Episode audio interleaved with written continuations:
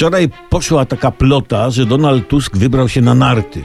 Oburzali się przeciwnicy Tuska, że Putin w Donbasie, a Donald Tusk na nartach za granicą. Przedstawiciele PO migali się od odpowiedzi, więc pan Donald chyba na tych nartach przebywa. No bo jakby nie przebywał, to by mówili plotkarzom eee, chcesz wryj? I Donald Tusk by się pokazał na tle czegoś w Polsce. Ci, którzy zarzucają szefowi PO narty, kiedy Putin najeżdża Ukrainę, mówią, tak nie postępuje mąż stanu.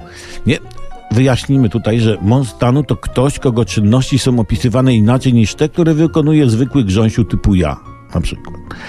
Nie mówi się, że dany mąż się nie zgadza, on nie wyraża zgody.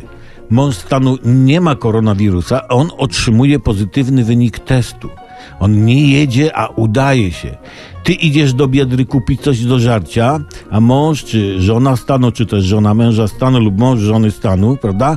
Oni udają się do dyskontu nabyć produkty spożywcze. Ty kupujesz w biedrze bułki, mąż stanu nabywa pieczywo małogabarytowe. Da? Ty kupujesz graty do chaty, on sprawia sobie wyposażenie gabinetu.